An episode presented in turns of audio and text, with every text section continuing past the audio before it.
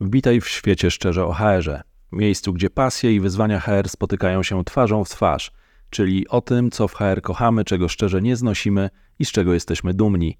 Tu Karol Kapuściński, wasz przewodnik po świecie HR, od 15 lat wspierający HR-owców w rekrutacji. W No Fluff Jobs tworzymy przestrzeń, gdzie każdy głos ma znaczenie. Nasza pasja? Transparentność, szczerość i uczciwość w rekrutacjach. Nie tylko w Polsce, ale na całym świecie. To więcej niż praca, to nasza misja. Naszym celem jest zmienianie standardów nie tylko w IT, ale we wszystkich branżach. W Szczerze o HR będziemy eksplorować, uczyć się i dzielić inspiracjami, rozmawiając z ekspertami i słuchając Waszych historii. Przygotujcie się na dawkę solidnej wiedzy i energii. Dołączcie do nas i razem kształtujmy przyszłość rekrutacji.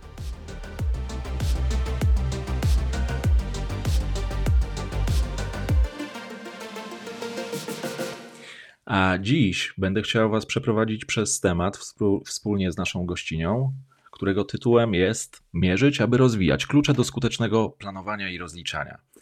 Róża Szafranek, nasza ekspertka, która była, na pewno odpowie nam na wiele pytań i pewnie rozszerzy wizję rozwoju i tego, jak to robić prawidłowo, a jest niesamowitą ekspertką.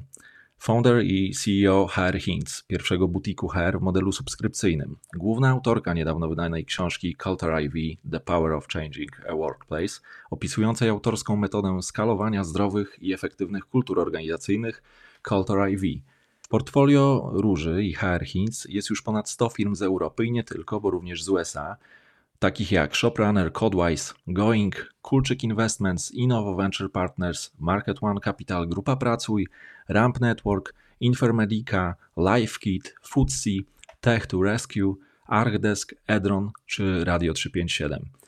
Mentorka TechRisk Chicago, World Business Chicago, Founder Institute czy Incredibles, programu mentor mentoringowego Sebastiana Kulczyka, jedna ze 100 kobiet 2022 roku według Forbesa, 23 kobiet na 2023 rok według My Company oraz 100 najbardziej inspirujących kobiet środowiska startupowego CE według Westby Venture Capital, wyróżniona w raporcie Strong Women in IT Global Edition 2023. Róża, wow, e, to jest trudno przeczytać e, nawet, tak żeby nie stracić oddechu i to jest niesamowite, ile rzeczy robisz i pewnie robisz to skutecznie, skoro, skoro tyle, tyle tych rzeczy jest. Krok po kroku idziesz dalej. Już nie tylko jako HR Hints, ale i Culture IV, nie tylko w Polsce, ale i w Stanach. I przyznam, że w świecie, który teraz nas otacza, w którym słyszymy o coraz większych problemach z budowaniem biznesu, kryzysem, hiring freezem i inflacją, wydaje się to wręcz niemożliwe. A jednak opowiedz nam proszę o tym więcej.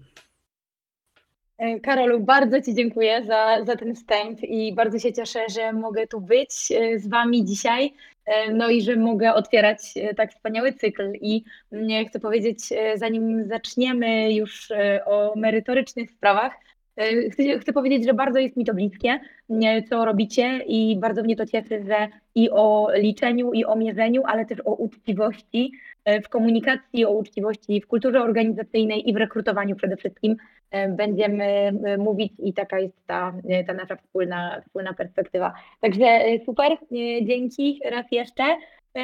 A tak, a jeśli chodzi o ten, o ten wstęp, to, to faktycznie jakąś potwornie długą wersję wybraliście i, i bardzo mi miło i dzięki za, za ten wstęp. Natomiast rzeczywiście to jest tak, że a propos tego, co powiedziałeś, czyli o tej e, kwestii kryzysu i e, to, że dzisiaj e, trudno jest skalować biznes, trudno jest skalować rekrutację tych freezów, o tych freezach słyszymy coraz częściej, jest ich coraz więcej, mm, no to okazuje się paradoksalnie, że tak jak do tej pory myślano bardzo często w biznesie o takim duecie produkt i sprzedaż, to znaczy ty jako, jako człowiek sprzedaży, jako człowiek biznesu wiesz to, wiesz to doskonale, że no, sprzedaż to jest motor firmy i to jest super istotna rzecz, E, no, jeśli chodzi o to, co firma oferuje produktowo, czy usługowo, czy cokolwiek innego sprzedaje, no to zawsze to była taka druga istotna, kluczowa dla funderów, dla właścicieli, dla zarządów, dla liderów e, rzecz. Natomiast e, kryzys powoduje w ludziach coś takiego, że rzeczywiście dochodzi do tej dwójki, trójka, którą są ludzie realnie. I to właśnie przestaje być taki bullshit, to przestaje być takie gadanie, że o, ludzie są najważniejsi, albo o, ludzie to nasze dobro. No dobra, ale co macie pod tym? To znaczy, co robicie takiego dla tych ludzi? Ile macie pieniędzy na inwestycje w ludzi? Ile macie pieniędzy na ich rozwój? Jak ten rozwój jest rozumiany? Nie? Bardzo często było tak, że do tej pory to był właśnie taki frazes, to było właśnie takie ogólne sobie słówko, czy taki ogólny sobie zwrot, y, za którym niewiele szło. Natomiast teraz widać, że jak ci ludzie są rzeczywiście słabo, nieuczciwie zarządzani, albo są jakieś problemy komunikacyjne, liderskie, czy no inne, o których pewnie będziemy dzisiaj rozmawiać, no to się okazuje, że po prostu y, biznesowi pieniądze uciekają. I że to nie jest tylko tak, że można sobie z jednej strony cisnąć kasę i po prostu rozwijać się y, revenue'owo i rosnąć, a z drugiej strony coś trzeba dać tym ludziom, jakiś tam, nie wiem, owocowy wtorek, zamknąć im usta i dobra, niech, niech będzie. Nie? Tylko y, zaczynamy rozumieć na dużą skalę, że dobre, uczciwe zarządzanie ludźmi to jest rzecz po prostu opłacalna dla biznesu pod kątem e, revenue, pod kątem zysku, że poukładanie obszaru ludzkiego to jest coś, co się po prostu zwraca. I, I, ja myślę, że to jest taki, taki moment. E, niestety jest tak, że kryzys w tym pomaga. To znaczy kryzys y, odejścia ludzi, bardzo wysoka e, rotacja, trudności w utrzymaniu jakiejś sensownej retencji w organizacjach. To są rzeczy, które paradoksalnie pomagają nam zrozumieć, że no my musimy po prostu ten biznes, żeby efektywnie go utrzymać, no to musimy się zająć e, w racjonalny, mierzalny i sensowny sposób obszarem. Więc Trudno no, mi się... tutaj ten, ten kryzys nie działa nam na korzyść trochę, nie? Trudno mi się z tym e, Róża nie zgodzić. Ja wspomniałem o tym swoim doświadczeniu już kilkunastoletnim i faktycznie trochę tak jest, że Zasoby ludzkie stały się takim frazesem często i dużo się o tym mówi, bo to dobrze i modnie brzmi, a niekoniecznie coś z tego e, często dla ludzi wynika. Poruszyłaś tyle tematów, że ja się mhm. zastanawiam, czy to będzie jeden odcinek, czy potniemy go na kilka, bo mam wrażenie, że moglibyśmy o tym gadać bardzo długo. Ale zanim przejdziemy do e, już meritum, to mamy dla naszych gości takie trzy pytania, które chcielibyśmy zadać każdemu naszemu gościowi czy gościni, aby zebrać ten świat i zobaczyć, co ludzi w nim kręci, w tym świecie HR-owym, który nam jest bardzo bliski, albo od czego uciekają i z czego są dumni. Więc mam dla Ciebie trzy takie szybkie pytania. E, co szczerze kochasz w HR-ze? Czego szczerze w HR-ze nie znosisz? I z czego jesteś dumna? E, o kurczę, e, tyle ważnych rzeczy naraz. Super. To tak, co szczerze kocham? Kocham to, że to jest uważam najciekawsza praca świata. To znaczy, to jest po prostu interesujące nieziemsko, e, jak e, ludzie w mechanizmach swoich społecznych, indywidualnych e, czasami się gubią, czasami się ratują, czasami to wygląda pięknie, czasami to wygląda strasznie. To jest fascynująca i absolutnie genialna praca. A czego nie znosisz? To jest pierwsza rzecz, którą kocham. Nie znoszę um, takiej, no właśnie takiej fluffy nowości um, HR-u. To znaczy, nie znoszę tego, jak HR się chowa E, za tym, że to zależy od sytuacji, a każdy jest inny, a my jesteśmy specyficzni, a to się nie da powiedzieć, a to zależy. Tego nie znoszę. I trzecie pytanie, z czego jesteś dumna? E, jestem dumna z tego, że rzeczywiście e, da się dobrą kulturę organizacyjną opisać, wystandaryzować i nazwać. I że rzeczywiście jest tak, że no, powoli się spełnia to moje marzenie o tym, żeby nie odbierając uroku kulturze organizacyjnej, być rzeczywiście w stanie ją uczciwie nazwać i opisać. Okay. To się realizuje i bardzo jestem z tego dumna, że jesteśmy w stanie to pokazywać. No, to ładnie zabrzmiało. No? Podpisałbym się pod tym. Dobra, dzięki wielkie za, za tą naszą krótką ankietę, która będzie w każdym odcinku. No i przejdźmy do tego naszego podstawowego, najważniejszego pytania. E, które na koniec roku i, i zazwyczaj na przełomie e, lat jest istotne, no bo jesteśmy w okresie ewaluacji. Chcemy oceniać pracę naszych ludzi, są rozmowy podwyżkowe, mnóstwo się dzieje. Chcemy się zbliżyć do tego idealnego punktu, żeby wiedzieć i umieć ocenić ludzi, z których pracujemy, czy swoją własną pracę. No i właśnie, mierzyć, aby rozwijać, czyli jakie są klucze do skutecznego planowania i rozliczania. Ty masz dos- olbrzymie doświadczenie w codziennej pracy z wieloma organizacjami, wiele na pewno widziałaś, y, wiele też podpowiedzi tym organizacjom na pewno też dawałaś. I pewnie masz w głowie odpowiedzi na, na wiele pytań, ale na takie podstawowe, co mierzyć, jak to mierzyć, ale w taki sposób, żeby rozwijać, i dowozić te cele, a nie tylko, żeby wrzucać KPI, które tego człowieka mają jakoś sformatować. Jak byś mogła nam to opisać? Co, od czego zacząć? Mhm. Przede wszystkim to, od czego bym zaczynała i to, od czego też zaczyna często u nas HR Hints, jak wchodzi do organizacji, to jest metoda. Czyli w jaki sposób my będziemy to robić. Czy my to robimy top-down, że tak powiem po staropolsku, czyli zaczynamy od celu, który organizacja chce dowieść, czy w ogóle taki cel jest zdefiniowany. E, bo tutaj znowu mamy, e, jak już powiedziałeś przed chwilą i, i, absolutnie się z tym zgadzam, mamy bardzo dużo takich ogólników, mamy dużo takiego bullshitu, takiego, e, który czasami nie jest bullshitem celowym. To znaczy, to nie jest zawsze tak, że ktoś jest liderem i chce oszukać swoich pracowników i jest cwany. Nie? Odchodzimy powoli już od takiego naśmiewania się z tych Januszy biznesu i tak dalej. I zaczynamy rozumieć, że tak naprawdę to nie jest o tym, że ktoś ma złe intencje, tylko że po prostu naprawdę nie potrafi tego zrobić, to znaczy nie potrafi ubrać w metodologię tego, co by chciał.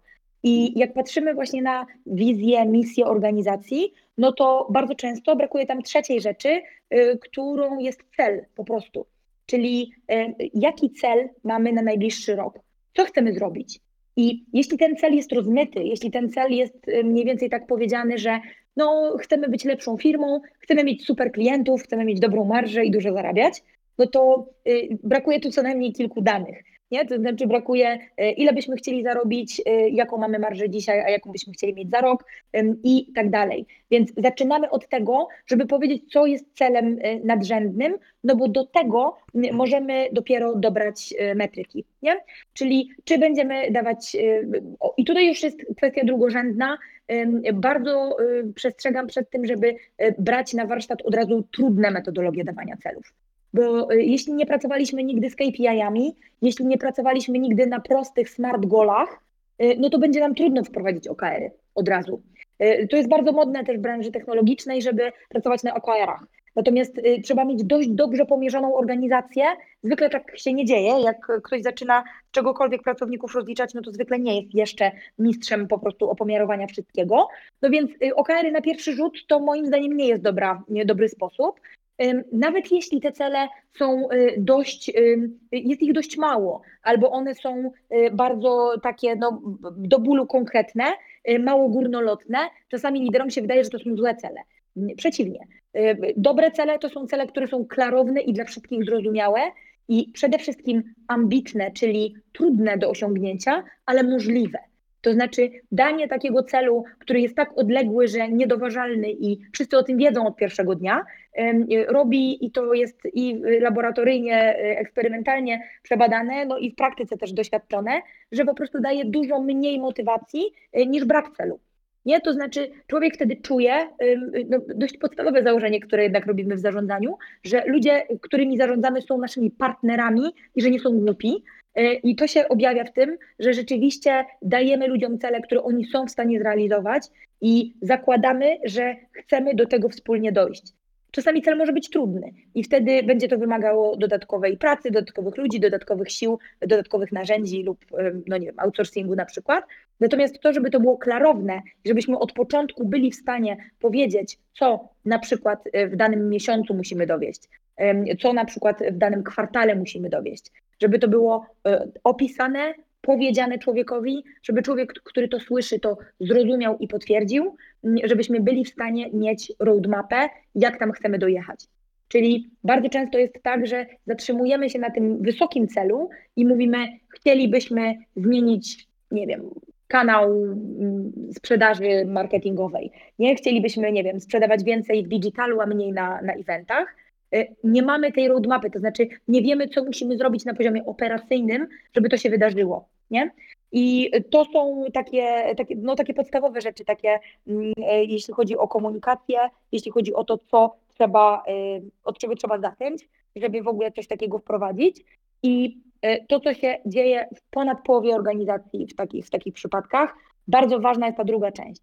To znaczy rozliczanie i odebranie zadań. E, bardzo często jest tak, że myli się liderom rozliczanie zadań z micromanagementem. Czyli nie sprawdzają swoich pracowników tego, co oni dowieźli, nie odbierają tej pracy. E, czyli wysyłają taki sygnał: Ja ci ufam, więc ja wierzę, że ty to robisz. No, tylko zarządzanie na tym nie polega. Mm, I zasłaniają się trochę, myślę, że też nieświadomie często, takim powiedzeniem, no ale ja nie jestem micromanagerem, ja nie będę y, chodził mu po piętach. No, tylko odebranie zadania, czyli powiedzenie, miałeś na to tydzień, y, dzisiaj spotykamy się po tym tygodniu, chcę zobaczyć, gdzie jesteśmy, to nie jest micromanagement. To jest po prostu uczciwa praca liderska, którą liderzy muszą wykonywać. Mm, I to jest często taki, y, taki problem, nie? Że, mhm. że boją się liderzy być odbierani właśnie jako tacy stojący nad głową, mikromanagerscy, podczas gdy tak naprawdę no, na tym polega uczciwe zarządzanie.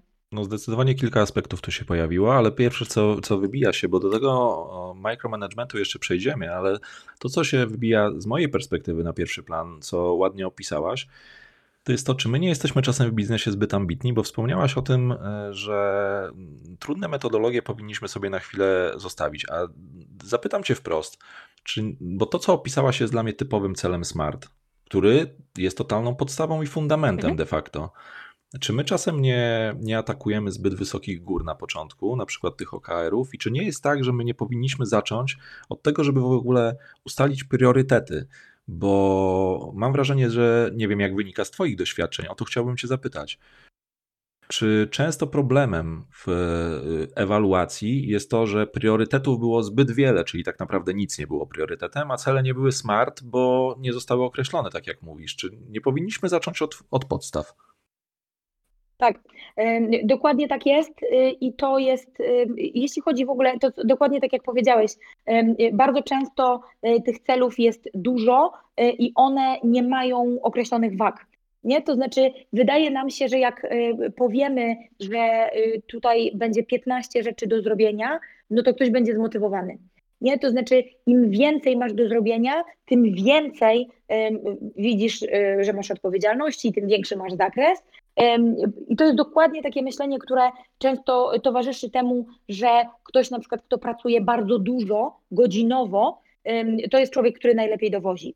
E, stąd też się biorą takie błędy w rozliczaniu zarządzania, to znaczy, że na przykład y, ekscytują się menadżerowie tym, że ktoś, nie wiem, wysyła maila w sobotę, albo wysyła maila w piątek wieczorem i odbieramy to jako wysokie zaangażowanie i mówimy, jaki świetny pracownik, on jest taki zaangażowany, zobacz jak on siedzi długo. A co ty osobiście o tym sądzisz? Jest... Przepraszam Róża, że wejdę ci w słowo właśnie, bo no. czy to nie jest charakterystyczne dla nas? Bo ja kiedyś miałem mm, pracownika, który powiedział mi wprost, że jeśli realizuję swoje cele w 80% czasu, który spędzam w firmie, to to mnie powinien ktoś zapytać, jak to robię, a nie mówić mi, że robię za mało, że nie ma tego, tej krwi, potu i łez. I trochę mam wrażenie, jest też tak z tymi mailami, że jeśli mhm. ktoś mhm. musi pracować w sobotę, to może powinniśmy się zastanowić, czy my dobrze delegujemy zadania, albo czy on potrafi zarządzać czasem, a nie y, chwalić go za y, ponadnormatywne za, zaangażowanie i nadgodziny.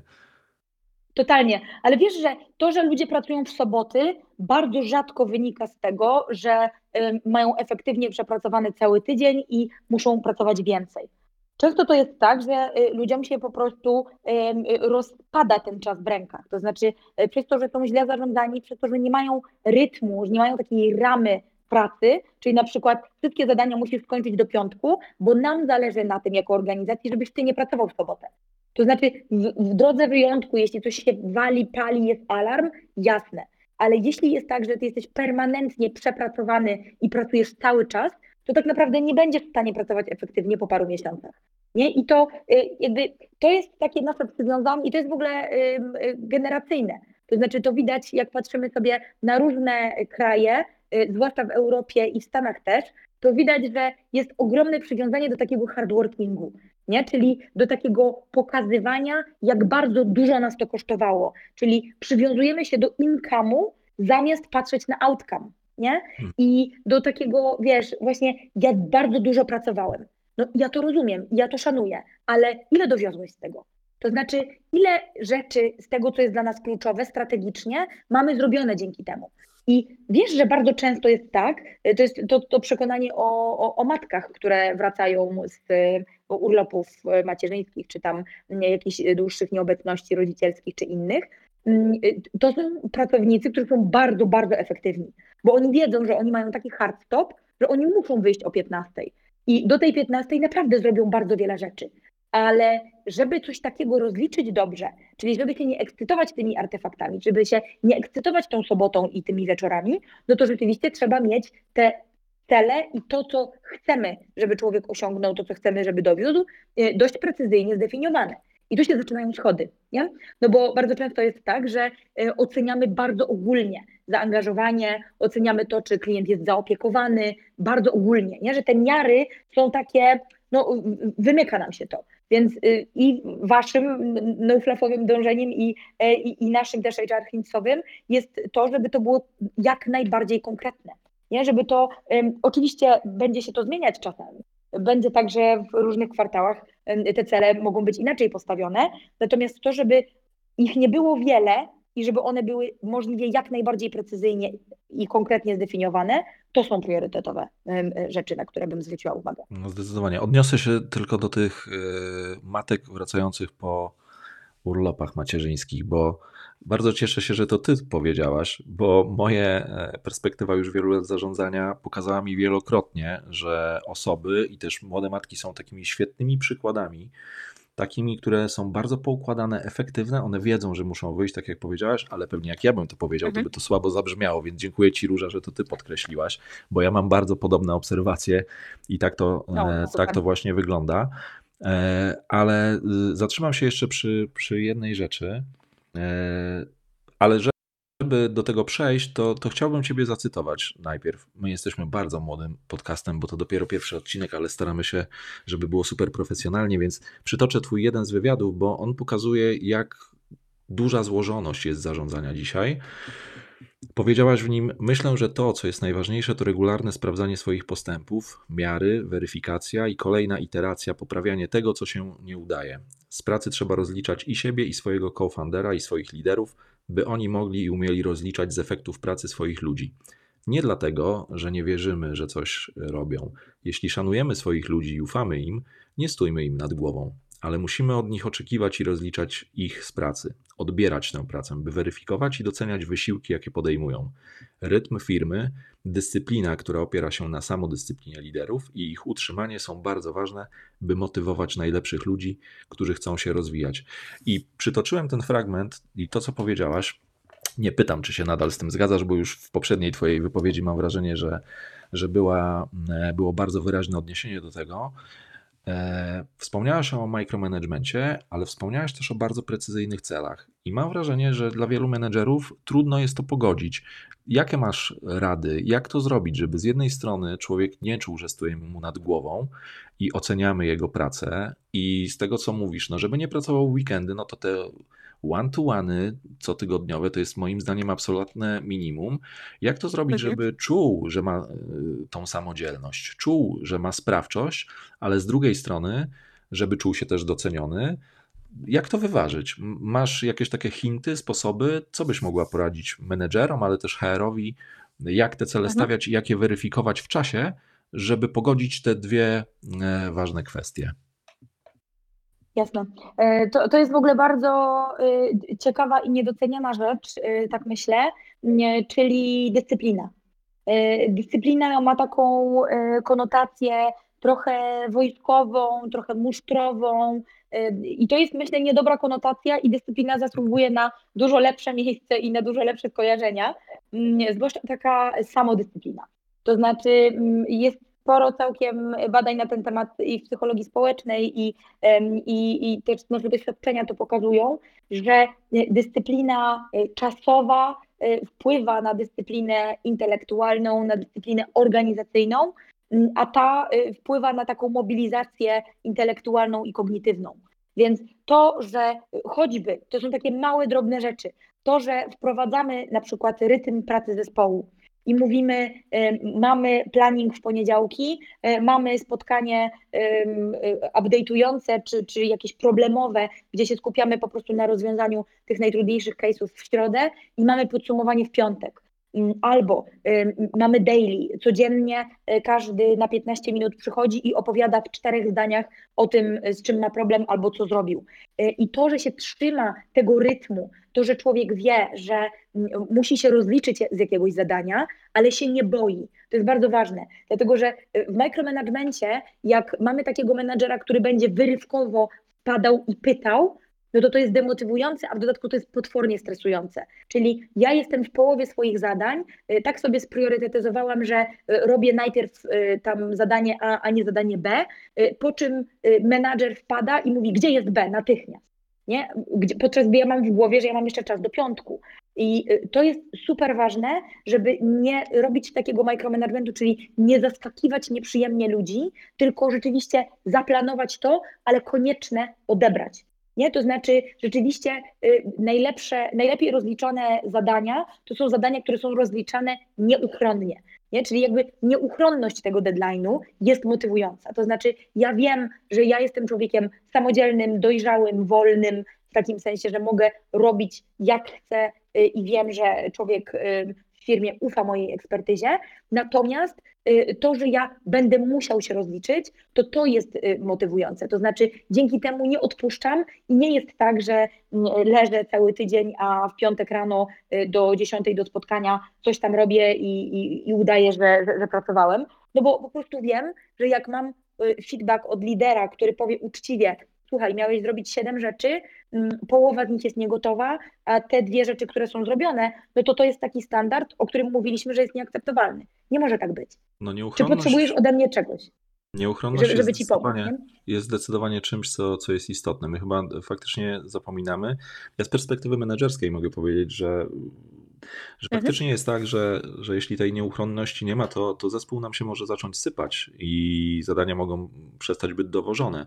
Ale wrócę do, do tego od innej strony, e, bo wspominaliśmy o priorytetach. A czy nie myślisz, że jest tak, że że brak tej nieuchronności zaczyna się właśnie od tego, że menedżerowie ustalają zbyt wiele priorytetów, po czym sami mają świadomość, że tego jest za dużo, więc przymykają oko na pewne niedokończone sprawy, bo mówią, kurczę, chyba jednak przesadziłem. E, oczywiście mówią to sobie w myślach, bo bo często nie, nie, mhm. nie będą się do tego przyznawać, a ludzie zaczynają zauważać, że okej, okay, no to raz mi się udało. Oni też wiedzą, że było za dużo, ale jeśli nie ma tej komunikacji, no to pojawia się rysa na szkle.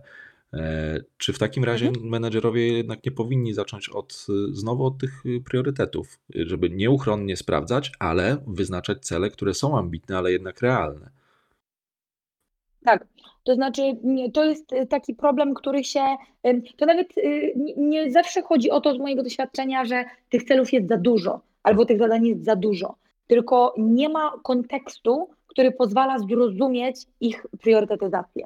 No bo y, to też nie jest najlepsza metoda, żeby powiedzieć, tutaj jest P1, tutaj jest P2, a tu jest P3, idź rób, nie? Chodzi o to, żeby raczej dać człowiekowi tę możliwość, żeby on zdecydował, co jest najbardziej priorytetowe, a on tego nie zrobi, jeśli nie będzie miał kontekstu. Nie? Czyli y, to jest też coś, co bardzo często jest zaniedbywane w onboardingu seniorów. Y, czyli y, zakładamy, że ktoś wie, ma wiedzę rynkową, doświadczenie i zakładamy, że od pierwszego dnia on będzie w stanie to zrobić. I tak samo jest z zadaniami, że no, no, no, przecież masz tyle doświadczenia, no to jeszcze jest oczywiście w tle, w tle głowy argument, no przecież tyle ci płacimy, no to chyba umiesz sobie z tym poradzić nie? a człowiek potrzebuje kontekstu, czyli potrzebuje na przykład tego, żeby powiedzieć, y, dwa razy już mieliśmy taki problem, y, za pierwszym razem rozwiązaliśmy go tak, za drugim razem rozwiązaliśmy go tak, y, nauczyliśmy się tego, to nie zadziałało, to nie zadziałało, nie wiemy co teraz, także opowiadamy Ci całą historię, opowiadamy Ci cały kontekst i na to poświęcamy czas, a nie na to, żeby mówić komuś, co ma robić. I jakby człowiek z takim kontekstem przychodzi i mówi, dobra, kumam to, y, moja propozycja jest taka, taka i taka. Nie?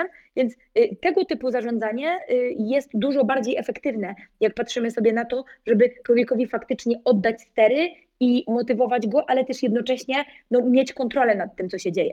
Nie? No bo to, to się tak bardzo łatwo mówi, że no, musisz odpuścić, musisz dać ludziom robić. No a potem mówią fanderzy, no ale ja już dałem ludziom robić, wypuściłem im na, ich na pół roku i nie dość, że nie mam produktu, nie mam pieniędzy, zespół mi się rozsypał i, i, i no, co ja teraz mam, gdzie ja teraz jestem?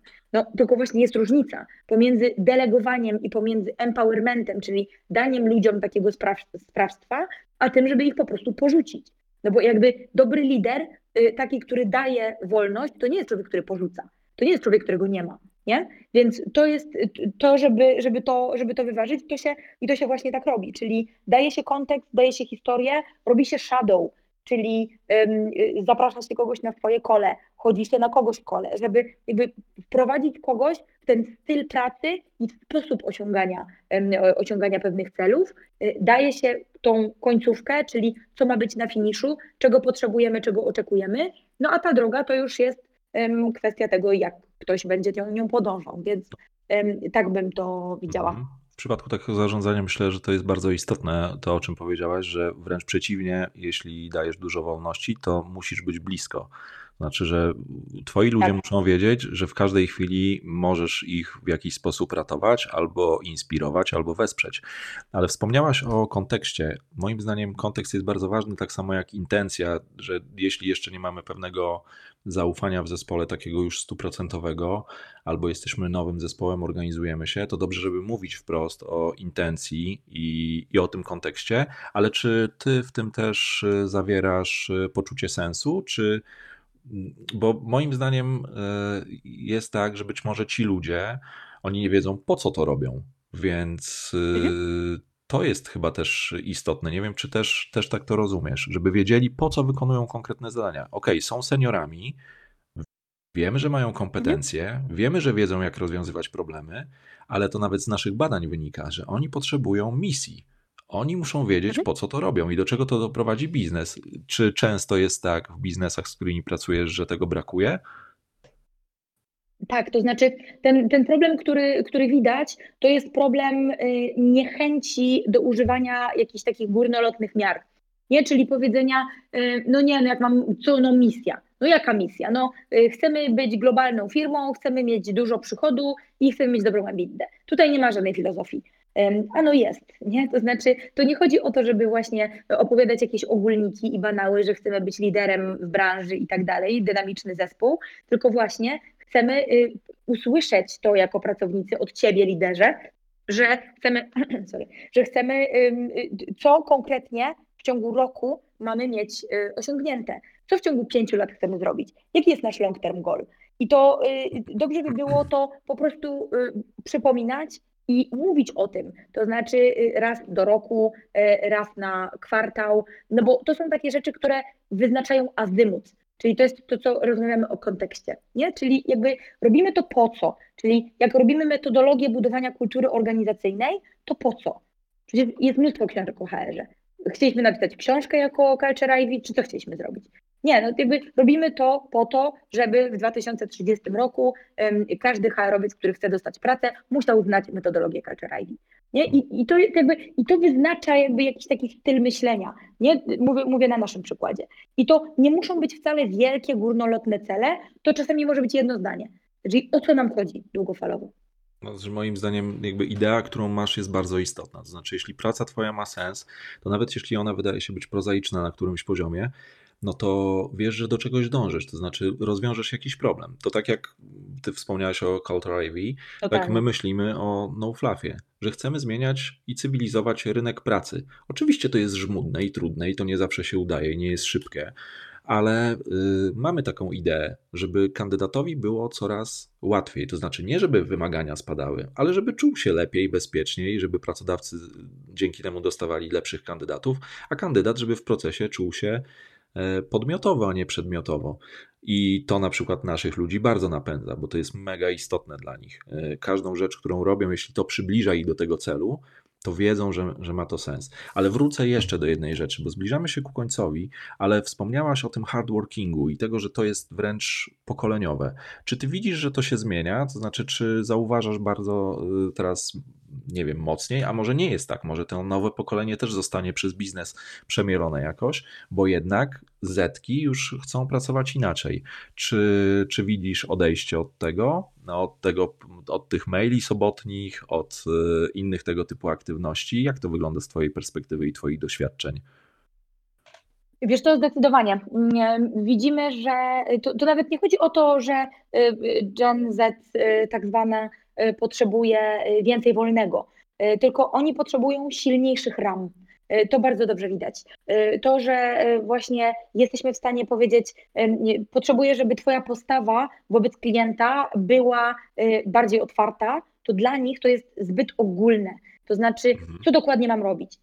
Więc y, to, że też y, trzeba wprowadzić i to nie tylko dla tego pokolenia, tylko w ogóle y, trzeba pokazać, jak dokładnie będziemy to mierzyć. Czyli my zaangażowanie w pracę klienta mierzymy na przykład, nie wiem, liczbą inicjatyw, które zgłaszasz, które zostają domknięte albo liczba rozwiązanych problemów, trudności, które gdzieś tam proponujesz, nie? Czyli taka konkretyzacja i takie, taka niemożliwość ucieczki od tego, że coś jest właśnie zaangażowaniem, dobrem, pomocą. I intencja jest taka sama pod spodem, ale po prostu to, żeby to było bardziej precyzyjne, bardziej konkretne, to jest rzeczywiście rzecz, rzecz ważna. No a druga rzecz to jest taka rzecz lifestyle'owa.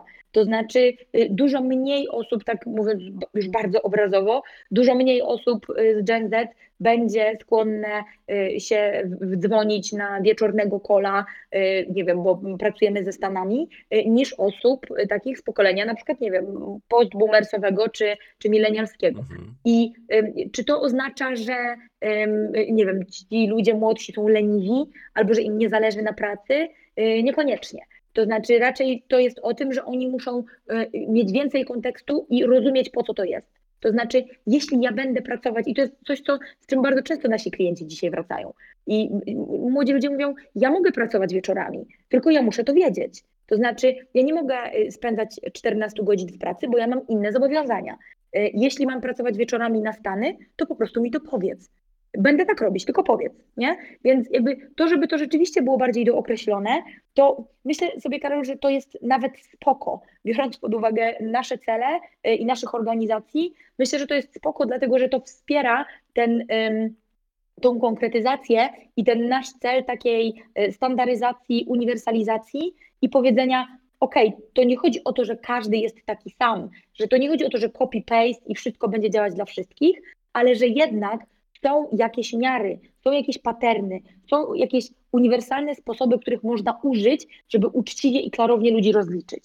I ja myślę, że paradoksalnie ten moment, y, to, że możemy dzisiaj y, z takim rozmachem działać, czy, czy wy, czy my, to jest potwierdzenie tego, że no Gen Z to wspiera i że oni y, będą tym zadowoleni, no bo to jest w interesie właśnie takiej klaryfikacji i wymagań, no ale też tego, jak się pracuje w ogóle, więc to jest Y, to jest super. Ja jestem ostatnia, która będzie narzekać i mówić, że no John Z jest leniwa i nie da się z nimi dogadać. W ogóle, to jest bez, tak bezdyskusyjne.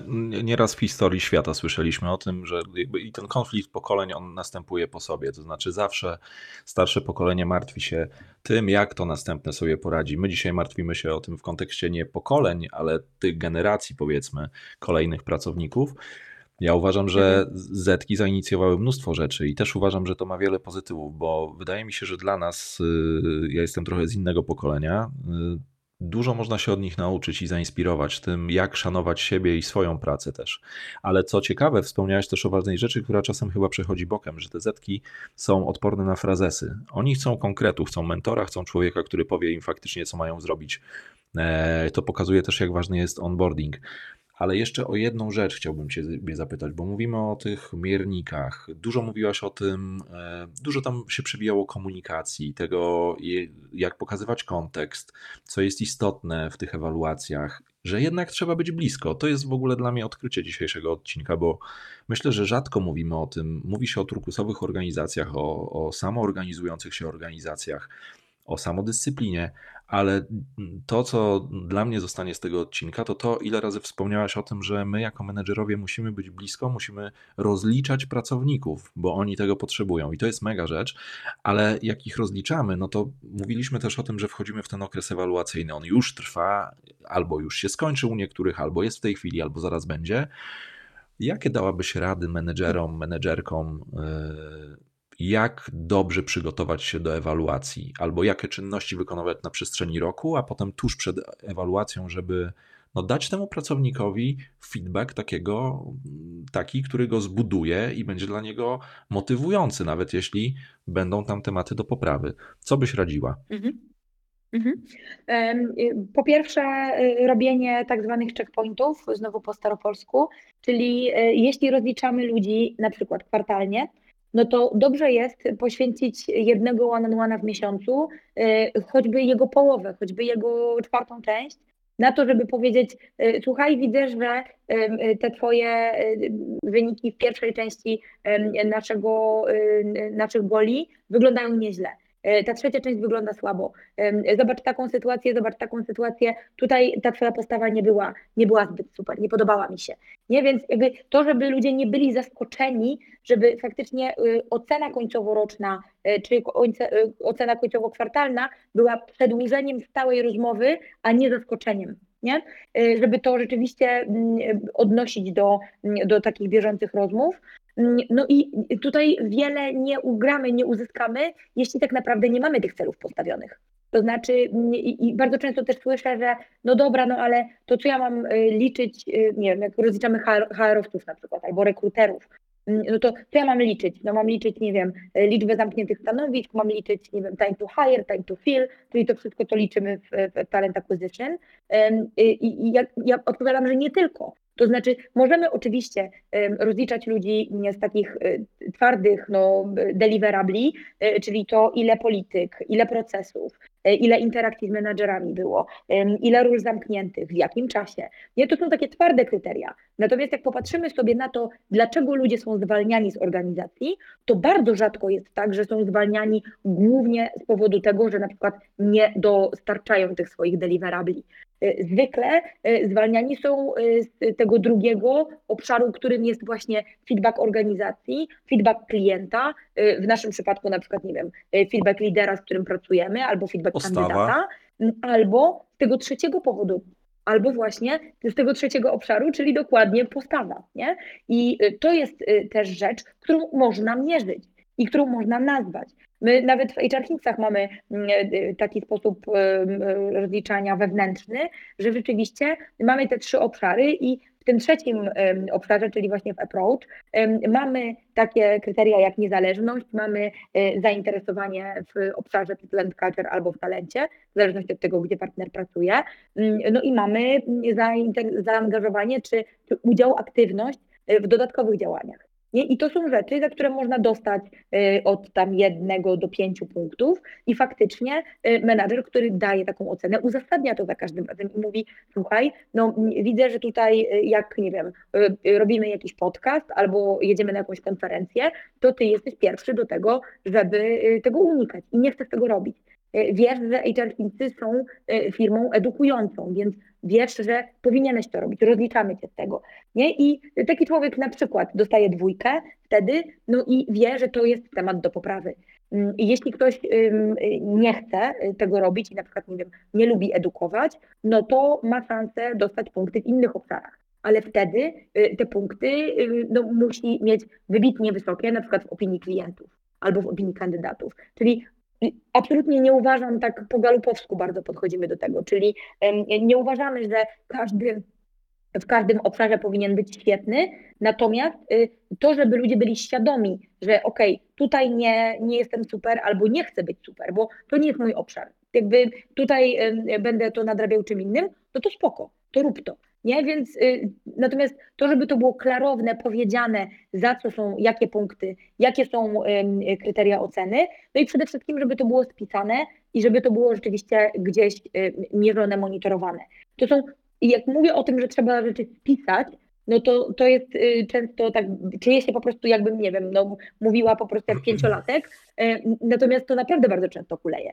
Czyli to, że coś y, pada gdzieś na jakimś, na jakimś spotkaniu, jakiś wstęp maila do kogoś dociera, y, nie jest to monitorowane, nie jest to potwierdzone, to jest bardzo często powód do niedomówień, no bo ludzie po prostu albo zapominają rzeczy, albo y, no, nie chcą ich pamiętać. To nie chodzi o to, że kłamią, tylko po prostu no, pamięć ludzka, zwłaszcza w stresie, a sytuacja oceny pracowniczej jest taką sytuacją, po prostu bywa zawodna. Człowiek słyszy to, co chce. Tak jest mechanizm. No więc to, żeby to naprawdę mieć w tabelce spisane, patrzeć na to co miesiąc, to są rzeczy, których się nie nadrobi raz w roku. Czyli tak naprawdę, konkludując, proste rzeczy. To znaczy, na pewno z perspektywy menedżera zachować pewien rytm spotkań i oceniać na bieżąco, wyznaczać y, cele i, i uświadamiać ludzi, jakie są ich cele, ale też zapisywać je i po prostu trzymać się tego konsekwentnie. Wydaje się być proste, wcale proste nie jest, jak, jak wiemy. E, ale mhm. myślę, że ta świadomość celu, to o czym wspominałaś, jest bardzo istotne. Ja często, jak jeżdżę ze swoimi ludźmi, na przykład na spotkania do klientów, to zawsze moim pierwszym pytaniem jest, jaki jest cel tego spotkania? Żebym ja, ja mhm. też wiedział, po co my tam jedziemy. To znaczy, żebym mógł je ocenić potem, albo w ogóle wiedział, co mam robić w takim razie. Czy to jest spotkanie relacyjne, czy to jest spotkanie sprzedażowe, czy my będziemy edukować, czy będziemy negocjować, czy co się na nim wydarzy. Więc myślę, że, że warto po prostu otwarcie o tym z ludźmi rozmawiać. Już na koniec, e, teraz e, pewnie być może najtrudniejsze, ale podejrzewam, że jako ekspertka z tej dziedziny ciekawe rzeczy nam zdradzisz. Jak ty sobie sama wyznaczasz e, cele albo jakie mierzysz? Czy to są, masz jakieś konkretne okresy? Czy to jest bardziej taki flow? Czy robisz to faktycznie bardziej tabelkowo? I po czym poznajesz, że masz sukces albo że jednak coś się nie udało? E, jasne. E, nie, no ja na, na flow się opierać to, e, to, to zdecydowanie nie. Tak, ja mam, moje cele wynikają ze struktury organizacji, które, które prowadzę, czyli mamy Culture Ivy, które jest naszym nowym pomysłem i, nowym projektem w ostatnim roku rozwijanym, no i mamy nasz korowy biznes, czyli, czyli HR Hints, w HR Hints mamy strukturę taką, że mamy zespoły biznesowe i e, zespoły delivery. Zespoły delivery, czyli talent acquisition i people and culture. I to, e, ile czasu ja poświęcam e, moim liderom, jest dla mnie punktem wyjścia. To znaczy, mam oczywiście swoje cele takie typowo biznesowe, marketingowe, brandowe, natomiast y, dla mnie y, wyjście od czasu, no bo to jest ten najtrudniejszy zasób, którym y, w takiej roli jak moja trzeba zarządzić, no to ja wychodzę od tego, ile czasu komu mogę poświęcić, biorąc pod uwagę potrzeby konkretnego lidera w danym czasie, no i priorytet dla organizacji. Czyli wychodząc od priorytetu, wychodząc od potrzeb lidera, e, liczę czas, czyli przykładowo zespołowi People and Culture poświęcam e, w tym kwartale 30% mojego czasu, e, zespołowi biznesowemu, czyli marketing sales poświęcam, nie wiem, 50% mojego czasu i 20% idzie na, na Culture IV. Więc i, i tak też to komunikuję moim liderom, że tyle i tyle czasu mam, więc w ramach tego mogę robić skip levele z Twoim zespołem, e, mogę e, robić, nie wiem, ponagrywać parę rzeczy szkoleniowo, mogę ich shadowować, mogą oni shadowować mnie, więc jakby narzędzi jest cała masa, Natomiast no, wychodzimy tutaj od tej, od tej miary czasu. No i jeśli chodzi o rozliczanie się, no to ja też mam taką dewizę, że władza deprawuje, władza absolutna deprawuje absolutnie. No i z racji tego, że u mnie w organizacji struktura jest taka, ja nie mam nad sobą rady nadzorczej i mm, jestem y, większościowym właścicielem y, spółki, więc sytuację mam taką, że rozliczam się zarówno ze swojej pracy, czyli właśnie z tego, co się udało, co się nie udało i mm, gdzie jest pole do, do modyfikacji, E, czyli z takich trzech mierników, rozliczam się co tydzień przed swoim zespołem. Czyli wygląda to tak, że mamy all hands takie półgodzinne co tydzień. Każdy z headów raportuje swoją część e, i ja raportuję na końcu dokładnie w tej samej metodologii co oni, czyli właśnie oni raportują pracę swoich, swoich zespołów, co się udało, co się nie udało i e, co wymaga zmian. No i ja tak samo się rozliczam przed wszystkim. Czyli tak naprawdę struktura i konkretny plan. To do tego zachęcam. Na pewno wezmę to sobie do serca, bo u mnie często jest flow, ale słyszałem ostatnio a propos planu i takich struktur, że nawet warto sobie zaplanować y, konkretnie czas na odpoczynek, żeby on był przemyślany i zaplanowany, a nie żeby był tylko prokrastynacją. Na tym będziemy kończyć. Ja pięknie Ci dziękuję, Róża, za to spotkanie. To było naprawdę ciekawe, o czym opowiadałaś. E, myślę, że jeszcze nie raz się spotkamy. Wierzę, że to, o czym opowiadałaś i z takim przekonaniem, i charyzmą, i energią, I też przede wszystkim te Twoje działania i te wszelkie dowody, ca- cała lista tych achievementów, które e, osiągnęłaś, mogą być dla wielu źródłem inspiracji. Tego Wam też życzę. Dziękuję, że tym bardziej z racji ilości obowiązków postanowisz, postanowiłaś poświęcić nam swój czas i, i zakładam, że, że nie masz go e, aż tak wiele. A do naszych słuchaczy, już teraz się kierując, sprawdźcie proszę Hairhins, e, Culture IV i książkę, e, która jest dostępna na Amazon.com. No i oczywiście samą różę, bo bo jest mega inspirującą osobą. A zapraszam Was też do tego, żebyście nas śledzili, followowali, zapamiętali No Fluff Jobs. I już w kolejnych odcinkach będziemy poruszać inne tematy HR-owe. Zapraszam też do komentowania. Piszcie do nas, jeśli chcecie, jeśli macie jakieś pomysły na odcinki, są rzeczy, które w HR Was intrygują albo w rekrutacji, to chętnie się nimi zajmiemy. A na dzisiaj dziękuję Wam bardzo. Była z nami Róża Szafranek i Karol Kapuściński. Do usłyszenia następnym razem. Bardzo dziękuję. Do usłyszenia i, i to była przyjemność. Dzięki. Dzięki.